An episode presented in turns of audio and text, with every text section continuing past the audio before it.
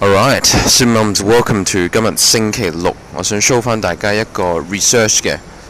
咁就呢个 research，我之前啊 h a r t m a n 呢个人系 sports medicine 啦。咁有好多人 claim 翻话做深蹲系咪会整整身膝头哥？会唔会整身膝头哥？第一，如果你系唔识做翻个姿势，系错嘅。OK，大家都知道 squat 啦，深蹲点样做啦，系咪？咁如果你個姿勢係錯嘅，你個人係向前啦，你個誒膝頭哥係 pass 咗你個 toes 啦，係咪？咁你啲力咪助晒你個膝頭哥，咁咪整傷咯。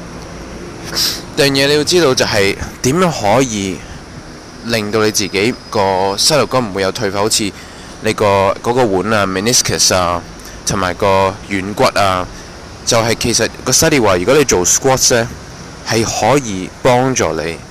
年一年齡 age 嗰時咧，其實對膝頭哥好嘅，你個 cartilage 咧，即係你個軟骨其實會粗啲嘅，thicker inside 軟骨入邊係會 thicker 嘅，咁就會保護翻你嘅 joints。咁呢個就係 study 同你講翻啦。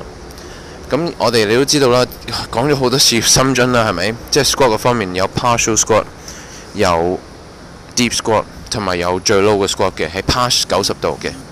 咁其實如果你可以去最 low 咧，OK？